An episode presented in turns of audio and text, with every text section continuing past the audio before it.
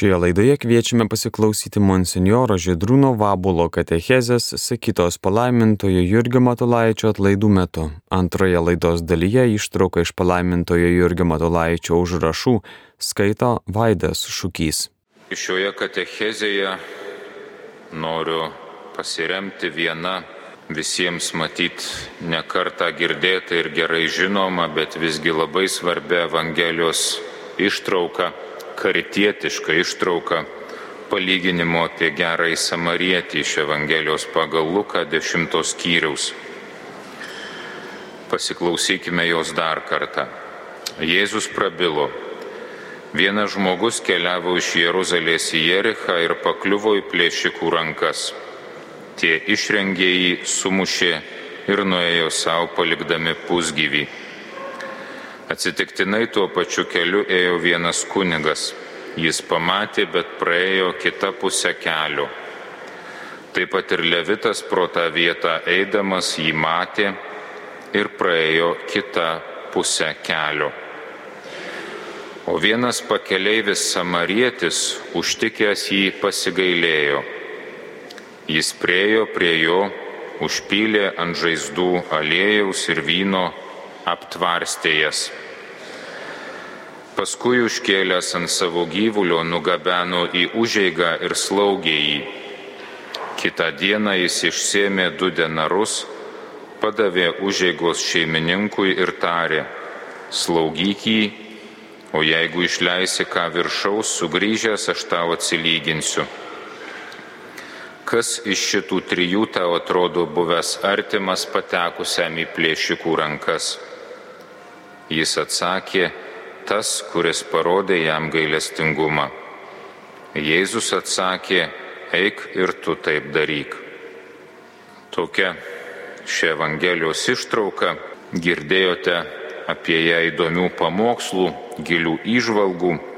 Aš norėčiau šioje katechezėje pasiremti popiežiumi Pranciškumi, kuris savo naujausioje enciklikoje Fratelli Tutti, išvertus pavadinimą reiškia visi broliai. Tos enciklikos lietuviškas pavadinimas irgi šiemet jau buvo išleistas lietuviškas vertimas. Taigi toje enciklikoje popiežius visą antrą skyrių skiria šios Evangelijos apmąstymui. Ir noriu šioje katechezėje priminti kai kurias ten užrašytas mintis.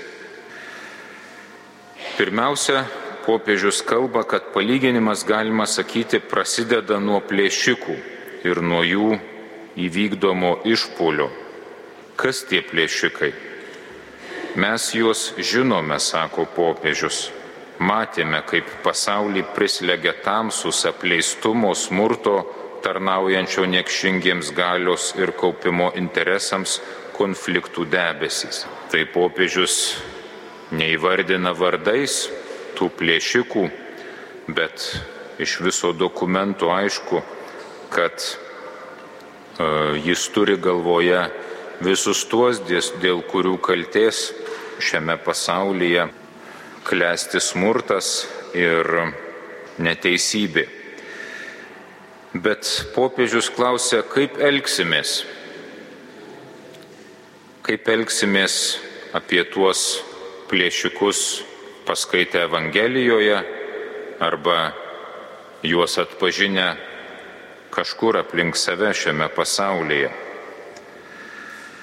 Užpuolimo apiplėšimo akivaizdoje gali kilti įvairūs jausmai, reakcijos.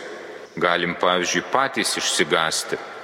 Jeigu skaitai apie tai, kaip žmogų kelyje dykumoje užpuola plėšikai, apie kągi pirmiausia galvoji kad tik manęs neužpultų. Taigi normalu būtų susirūpinti savo saugumu ir gal kiltų noras palikti sužeistą į ten, kuris guli ant žemės ir bėgti pasislėpti nuo smurto. Kitas jausmas, kuris gali apimti, tai gali užvirti pyktis ir noras banditus persekioti. Turbūt negalima atmesti, kad šitos dvi reakcijos yra žmogiškos ir suprantamos, o antroji galbūt net ir teisinga, normalu, matant akivaizdų blogį ir neteisybę, supykti ir mėginti su tuo kovoti. Visgi popiežius įspėja, kad tariamas teisingas pyktis kartais būna tik proga gražiais rūbais aprengus išlieti mūsų vidinį apmaudą. Cituoju popiežių, ar tas sužeistasis taps mūsų nesutaikomo susiskaldimo, žiauraus abejingumo, vidinių susipriešinimų pateisinimu. Citatos pabaiga. Ar jis taps vidinių mūsų susipriešinimų pateisinimu? Ir popiežius pabrėžia, kad Jėzus, nors savo palyginime tuos plėšikus pamini, pamini taip pat jų įvykdytą blogį, tačiau, cituoju, neskatina mūsų sustoti ir apgailestauti dėl to, kas įvyko, nenukreipia mūsų žvilgsnio į plėšikus. Priešingai popiežius netgi įspėja enciklikoje dėl vienos pavojingos pagundos susidūrus su blogiu, su neteisybė šitame pasaulyje, patikėti, kad pasaulis yra tik toks, kad jame viskas tik blogai. Ir tokią klaidą padarytume, jeigu skaitydami šį palyginimą sustotume ties plėšikais ir sakytume, štai koks baisus pasaulis, žmonės net saugiai gyventi nebegali, jie yra užpuolami, jie yra apiplėšiami, jie yra sužalojami. Tai anot popiežiaus labai pavojinga pagunda matyti tik tai tai, kas bloga ir galvoti, kad viskas yra tik blogai. Grįžkime prie palyginimų. Taigi plėšikus Jėzus nors ir pamenė, tačiau prie jų nesustoja, nesiūlo į juos atkreipti dėmesio. Tie, į kuriuos Jėzus šiek tiek daugiau dėmesio atkreipia, tai praeinančius pro šalį. Eina tuo keliu kunigas, eina levitas, jie pamato sužeistą įgulinti ant žemės, bet praeina kitą kelio pusę. Kodėl jie taip elgesi? Ar jie tokie kieta širdžiai ir nejautrus? Nebūtinai. Tokio jų elgesio priežasčių irgi gali būti pačių įvairiausių ir mums labai suprantamų. Kad ir pavyzdžiui mano minėtas išgastis, baimė dėl savo pačių saugumo. Kaip elgtumės mes, pamatę krūviną žmogų kur nors tarpuvertėje ar tamsiame skersgatvyje. Turbūt ne kiekvienas drįstume prieiti, gal patys išsigandę spruktume šalin, ne dėl to, kad nenorim padėti, dėl to, kad mums patiems baisu. Gal tie žmonės nežinojo, kaip elgtis, gal neturėjo laiko arba dar turėjo mums nežinomų priežasčių praeiti pro šalį. Ir visgi kokios tos priežastys bebūtų, popiežius griežtas. Pro šalį žiūrėdami į kitą pusę, anot jo yra slaptieji pakelės plėšikų sąjungininkai. Mes visi prieš mišes kalbame atgailos aktą, kuriame išpažįstame, kad nusidėjom ne tik mintimi žodžiais ir darbais, bet dar ir apsileidimais. Tai štai būtent šitame praeime pro šalį popiežius mato šią apsileidimo nuodėmę ypač sunkia forma. Anot jo, vėl cituoju popiežių, įdomu, kad istorijos veikėjų skirtumai visiškai pasikeičia susidūrus su skaudžia puolusio pažeminto žmogaus situacija jau nebėra skirtumo tarp judėjos ir Samarijos gyventojų, nebėra kunigo nei pirklio, yra tik dviejų tipų žmonės. Tie, kurie priima skausmo naštą, prisima skausmo naštą ir tie, kurie praeina laikydamiesi atokiai, tie, kurie pasilenkia, atpažindami parkritusį žmogų ir tie, kurie nusigręžia, paspartindami žingsnį. Citatos pabaiga. Taigi popiežius pabrėžia, kad tai yra vienintelis skirtumas, į kurį Jėzus nurodo. Jam nesvarbu, ar čia samarietis, ar žydas, ar jis pasaulietis, ar dvasininkas. Jėzus sutelkia dėmesį į šį skirtumą. Ar tu praeini pro šalį, ar parodai gailestingumą. Jeigu prisiminsime kitą Jėzaus palyginimą apie paskutinį teismą, ten žmonės bus teisiami irgi ne pagal tai, kas kokiai tautai priklausė, kas kiek turto turėjo, bet pagal tai, ar parodė gailestingumą vienam iš mažiausių savo brolių.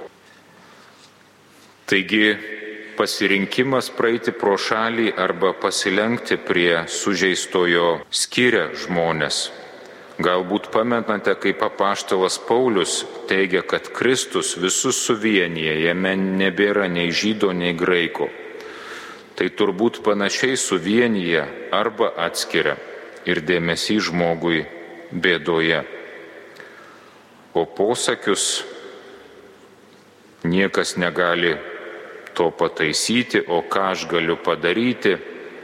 Juk ir taip kartais žmonės pasiteisina praeidami pro šalį, taigi tokius pasiteisinimus popiežius gretina su mano minėta pagunda, kad viskas yra blogai. Sako, tokie, tokios išvados yra tik tai išvestinės tos pagundos formos. Jeigu mes esame linkę matyti šiam pasaulį tik plėšikus ir dėl, dėl tik, tik blogį, tada sakom, aš nieko negaliu padaryti, esu bejėgis, taigi geriau trauksiu savo keliu. Vėl cituoju popiežių pranciškų.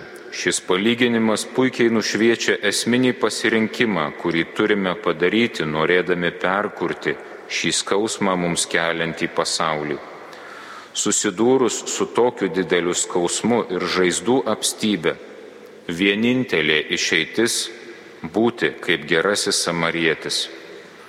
Bet kuris kitas pasirinkimas neišvengiamai reiškia prisidėjimą arba prie plėšikų, arba prie tų, kurie praeina pro šalį neužjausdami sužeistojo kelyje. Taip, citatos pabaiga, taigi taip popiežius sutinka šitame pasaulyje daug skausmo ir apstų žaizdų, bet jis sako, vienintelė išeitis būti kaip gerasis samarietis, pasilenkti bent prie vienos žaizdos. Jeigu nedarysi nieko arba imsi rūpintis tik savimi, nuo to šis pasaulis tikrai netaps ne tik geresnis, bet dar blogės. Taigi esam kviečiami būti kaip gailestingasis samarietis. Bet ką daryti, jeigu tikrai atrodo, kad nieko nepajėgiame, jeigu neturime ko duoti, kuo padėti? Popiežius sako, kad be kitos pagalbos didžiausia samariečio dovana iš tiesų buvo dėmesys ir laikas. Vėl cituoju, vienas žmogus sustojo, dovanodamas jam savo artumą, apraišiojo žaizdas savo rankomis, sumokėjo iš savo kišenės ir pasirūpino juo. Visų pirma, jis davė jam tai, ko šiame skubančiame pasaulyje mes labai stokojame - skyrė jam savo laiko. Be abejo, Jis turėjo savo planų, kaip leis dieną, atsižvelgdamas į savo poreikius, įsipareigojimus ir troškimus. Tačiau viską atidėjo į šalį to sužeisto žmogaus akivaizdoje. Ir nors jo nepažinojo, matė, kad jis vertas jo laiko dovanos. Su kuo save tapatini tu? klausė popiežius užbaigdamas šią savo mintį. Noriu Jums čia šiandien susirinkę prie Lietuvos karitiečių globėjo palaimintojo Jurgio, noriu Jums padėkoti, kad Jūs esat tie, kurie nepraeinat šiam gyvenime pro šalį, kurie skiriate laiko geriems darbams. Ačiū, kad nenusukate savo žvilgsnio ir nepraeinate kitą kelio pusę, nors gal kartais irgi jaučiatės prieš kitos skausmą ar sunkę padėtį bejėgiai ir nežinantys, ką daryti. Ačiū Jums už drąsą. Noriu Jums priminti dar vieną popiežiaus raginimą. Cituoju, tačiau nedarykime to vieni, pavieniui. Samarietis susirado užėgos savininką, kuris galėtų pasirūpinti tuo žmogumi. Lygiai taip pat kaip ir mes esame pašaukti kviesti ir susitikti toje mes tikrovėje, kuri yra stipresnė už mažų individualybių sumą. Citatos pabaiga. Taigi popiežius kviečia, nedarykim to vieni. Jeigu į pagalbą vargšams pasikviesime kitus žmonės, pirmiausia, gal galės, galėsime geriau tiems patiems sužeistiesiems padėti. Antra, patys nesijausime tokie įsigandę, vieniši ir mažai galintys. Na, o paskutinė popiežiaus mintis, kurią jums dar noriu pateikti, kad iš tiesų visuose, visuose šio palyginimo personažuose galim save atpažinti. Cituoju, pažvelgia į mūsų istorijos ir viso pasaulio visumą, matysime, kad visi esame ar buvome panašus į šiuos personažus. Kiekvienas iš dalies esame sužeistasis, iš dalies plėšikas, iš dalies tas, kuris atokiai praeina pro šalį ir iš dalies gerasis samarietis. Tokia jau mūsų žmogiška tikrovė. Todėl turbūt nevertėtų savęs graužti, kad ne visada gebu būti kaip gailestingasis samarietis. Verčiau dėkoti Dievui už tas akimirkas, kai Jis man duoda jėgų tokiu būti, taip pasielgti. Aišku, reikia ir atsiprašyti, kai tampu, kartais net negalvodamas plėšiku arba nusukančiu žvilgsnį. Ir svarbiausia, o kaip tada, kai pats jaučiuosi sužeistasis. Duok die, kad rastųsi tada tokių, kurie prie manęs prisertins ir man padės. Tačiau čia gal metas paž... išvelgti ir šio palyginimo gilesnę, dvasinę prasme. Ja pateikia dar bažnyčios tėvai, sakydami, kad tas keliauninkas Tai Adomas, pirmasis žmogus, visos žmonijos tėvas. Plėšikai tai piktosios dvasios. Jeruzalė tai rojus, iš, kurios, e, iš kurio žmonija dėl nuodėmės buvo išvaryta. Na, o samarietis tai pats Kristus Dievo sūnus. Jis išgelbsti į piktojo nagus patekusią ir mirčiai pasmerktą žmoniją. Jis prisertina prie mūsų, ateina iš dangaus ir užmoka mūsų išgydymo kainą ir dovanoja mums gyvybę. O užėgos šeimininko asmenyje bažnyčios tėvai žvelgia bažnyčią, kuriai Kristus, įžengęs atgal į dangų pas tėvą, patikėjo rūpintis sužeista žmonija, kaip šis gerasis samarietis sužeista į e, užėgos šeimininko e, rankoms paliko. Prisiminkim, kad ta bažnyčia esam mes visi. Visi esam pakviesti rūpintis vienas kito dvasinėmis ir kūno žaizdomis ir jas gydyti. O Kristui dėkojime, kad jis prie mūsų nusidėjusių pasilenkė ir mums atleido. Klausėmės monsinjoro Židrūno Vabulo katechezės sakytos palaimintojo Jurgio Matulaičio atlaidų metu.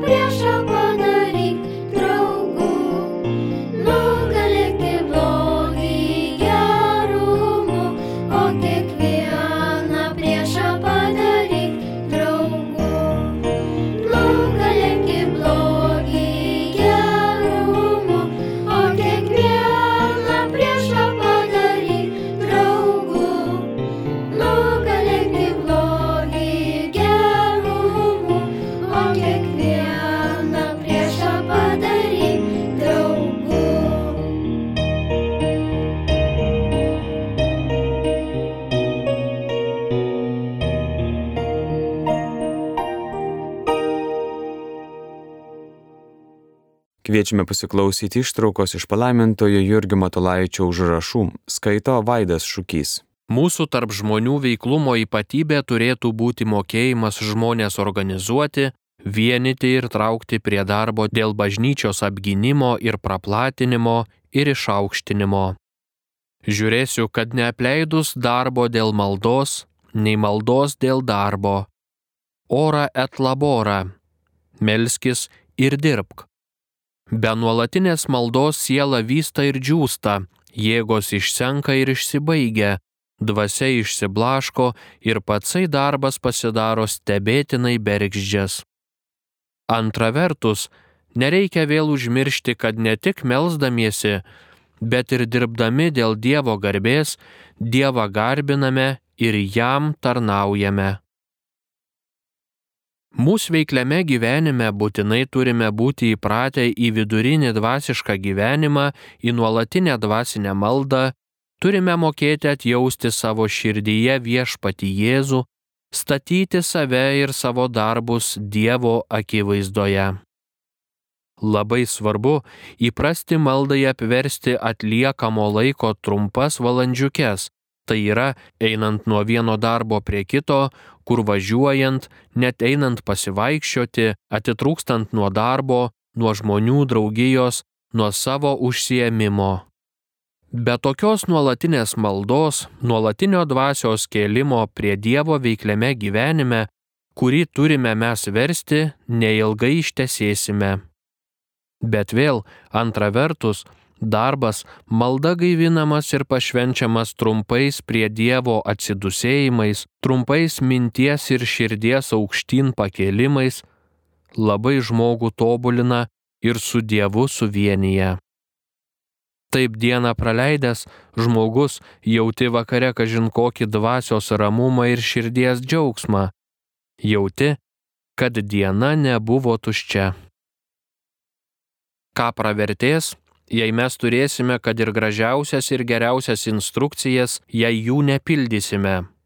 Geriau mažai turėti įstatų, o juos pildyti kaip pridera, negu turėti jų daug, bet gyvenime neprisilaikyti.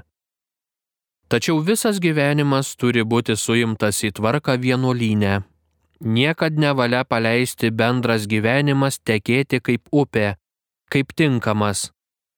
Vienuolijos gyvenimas turi visada būti suimtas stipriai į įstatus, į instrukcijas ir regulas ir į vyresniųjų rankas. Jis turi būti valdomas ir vedamas ir tvarkomas.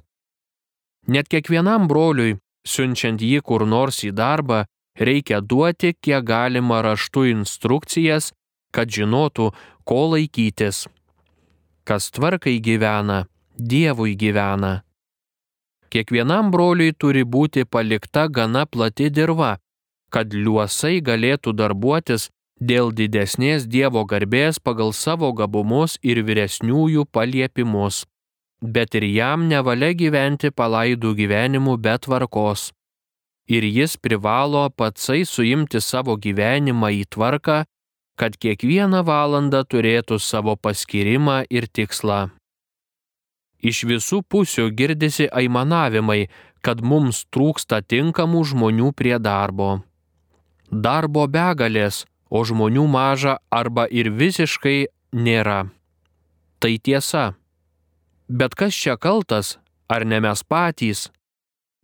Geriausias apvaizdusis viešpats Dievas, kada reikia ir kada jis nori, suranda savo tinkamus žmonės ir juos pašaukia prie darbo ir duoda savo malonės, apšvietimo, įkvėpimo, meilės, tikėjimo, šventumo jiems galę. Iškelia menkuosius iš mėšlo, kas yra paika ir silpna išsirinko, kad sugėdintų, kas stipru, dvasia pučia kur nori. Bet paprastai viešpats Dievas valdo vienus žmonės per kitus, vienus su pagalba kitų veda į išganimą. Paprastai Dievas duoda mums tik supratimą, ko bažnyčiai reikia, o jau mes patys turime stengtis su Dievo padėjimu tuos reikalus atlikti. Reikia mums žmonių, tai stengiamės mes juos savo išsiauklėti, išsilavinti. Nuo to, man rodos, ypatingai reikėtų pradėti mums visus visuomenės Kristuje atnaujinimo darbus. Visa atnaujinti Kristuje. Žmogaus protas yra versmė visokių minčių, kurios paskui patekusios į mines pasklinda į platų į pasaulį, ima žmoniją valdyti. Žmogaus valia yra toji jėga, kuri arba telkdama ir vienydama aplink save kitus žmonės, arba juos stumdama pirmin, arba ir atgal juos vesdama, keldama žemyn nutraukdama, valdydama, gali laimę arba nelaimę žmonijai suteikti. Žmogaus širdis visokių ugnies jausmų pilna gali būti jėga kitus sušildančia, uždegančia, sukaitinančia, kaip garas ir elektra, prie gero darbo patraukiančią ir pastumenčią arba vėl kenksmingų gaivalų viską sunaikinančių. Taigi svarbu žmogų gerai, tinkamai Kristaus dvasioje išauklėjus, jo protą tikra pilna tiesa apšvietus, jo valią į Dievo valios per įsakymus patirtis, priedermės pašaukimą, įkvėpimą, aplinkybės ir taip toliau išreikštos ryšius stipriai suėmus ir Dievo malonę, kurią mūsų motina bažnyčia per sakramentus ir kitokiais būdais gausiai mums parūpina, kurią mums pats Dievas taip gausiai duoda, sustiprinus jo širdį karšta Dievo ir artimo meilę uždegus. Mūsų kongregacija tad ypatingų būdų turėtų rūpintis, kad išlavinus ir prirengus reikalingų bažnyčiai žmonių. Iš vienos pusės gerai reikėtų atsižiūrėti į bažnyčios reikalus kiekvienoje tautoje, reikėtų tuos reikalus, pradėjus nuo svarbiausių ir būtiniausių, stengtis gerai suprasti ir permanyti. O iš antros pusės reikėtų rūpintis surasti tam tinkamus žmonės, juos gerai išlavinti, išmokyti, prirenkti, kad gerai galėtų tuos reikalus atlikti, kad galėtų pasiekmingai darbuotis. Pirmiausia, žinoma, visada reikia rūpintis dvasišku viduriniu žmogaus ištobulinimu, kad jis būtų pagal Dievo širdį žmogus, kad galėtų ir kitiems būti dvasiško atgimimo ir gyvenimo versmė. Paskui reikėtų stengtis tobulinti ir kituose reikalinguose daiktuose ar tai mokslo, ar darbo, ar veikimo srityje, kad būtų nors vienoje kokioje gyvenimo šakoje bažnyčiai ir visuomeniai naudingas, kad ir įgimtomis dovanomis ir gabumais, darbu ir triūsų galėtų Dievui tarnauti ir žmonėms naudingų būti. Kad ir tais ištobulintais įgimtais įrankiais, kuriuos išlavinimas, mokslas ir gabumai duoda, nežemiau už netikinčius arba ir tikinčius, kurie nėra Dievui ypatingai pasišventę, stovėdamas, kiek galint dar ir pasineždamas, kad ir tais įrankiais galėtų pasiekmingai naudotis, kad ir kitus prie Dievo ir bažnyčios patrauktų. Taigi, nereikėtų mums niekad gailėtis nei laiko, nei žmonių, nei skatiko, kad tuos žmonės, kuriuos mums apvaizda siunčia, gerai išlavinus, išauklėjus ir prie naudingo bažnyčiai ir visuomeniai darbo prirengus. Geriau palikti kol kas vienur arba kitur laukus dirvonais gulėti, negu žmonės neužtektinai išlavintus ir prirenktus į darbą siūsti. Geriau bus, jei turėsime, kad ir mažiau darbininkų, bet gerų ir tikrų darbininkų, kurie tą darbą atliks taip, kad jo antrą kartą nebereikėtų dirbti. Čia reikia iš vyresniųjų pusės didelės išminties ir kantrumo, kad matydami plačias dirvas visur dykas begulint, visur daugybę darbų, darbininkų stoka, nesiūstų pirmą laiko neišlavintų ir dar gana neprirenktų žmonių į darbą, kad mokėtų pakesti ir palaukti, kol žmonės nesubręs, neprisiruoš. Darbo niekad nepritrūks, dar visur platus laukai dirvonais guli, o ir dirbamuose laukuose kiek dar kūkalių ir pikdžolių ir pinigų prireikus dar netaip sunku surasti, Dievas rūpinasi savo tikrais tarnais, kad tik gerų, tinkamų žmonių būtų. Taigi, atsidėję turime renkti, mokyti ir lavinti reikalingus mums žmonės, o ir paskui, pastatę juos prie darbo, turime žiūrėti, kad vis dar turėtų laiko tobulintis dvasiškai ir kiekvienas savo darbo šakoje. Tobulybės dėsnis turi būti visuotinių mūsų gyvenimo dėsnių, ne tik tada, kada einasi apie asmenišką dvasišką išsilavinimą, bet ir priedermių atlikime ir darbuose, ir tuose patarnavimuose, kuriuos galėsime dėl bažnyčios atlikti. Te būna mums pavyzdžių Kristus, kuris viską gerai padarydavo Reikia žiūrėti, kad pirm laiko į darbą neiššokus ir neįsitraukus, o kokį nors darbą apėmus ar pradėjus stengtis jį gerai atlikti ir tobulin varyti. Duok Dieve, kad aš savęs išsižadėjęs visiškai, kas kart labiau tavyje ir tavo šventoje valioje paskeščiau.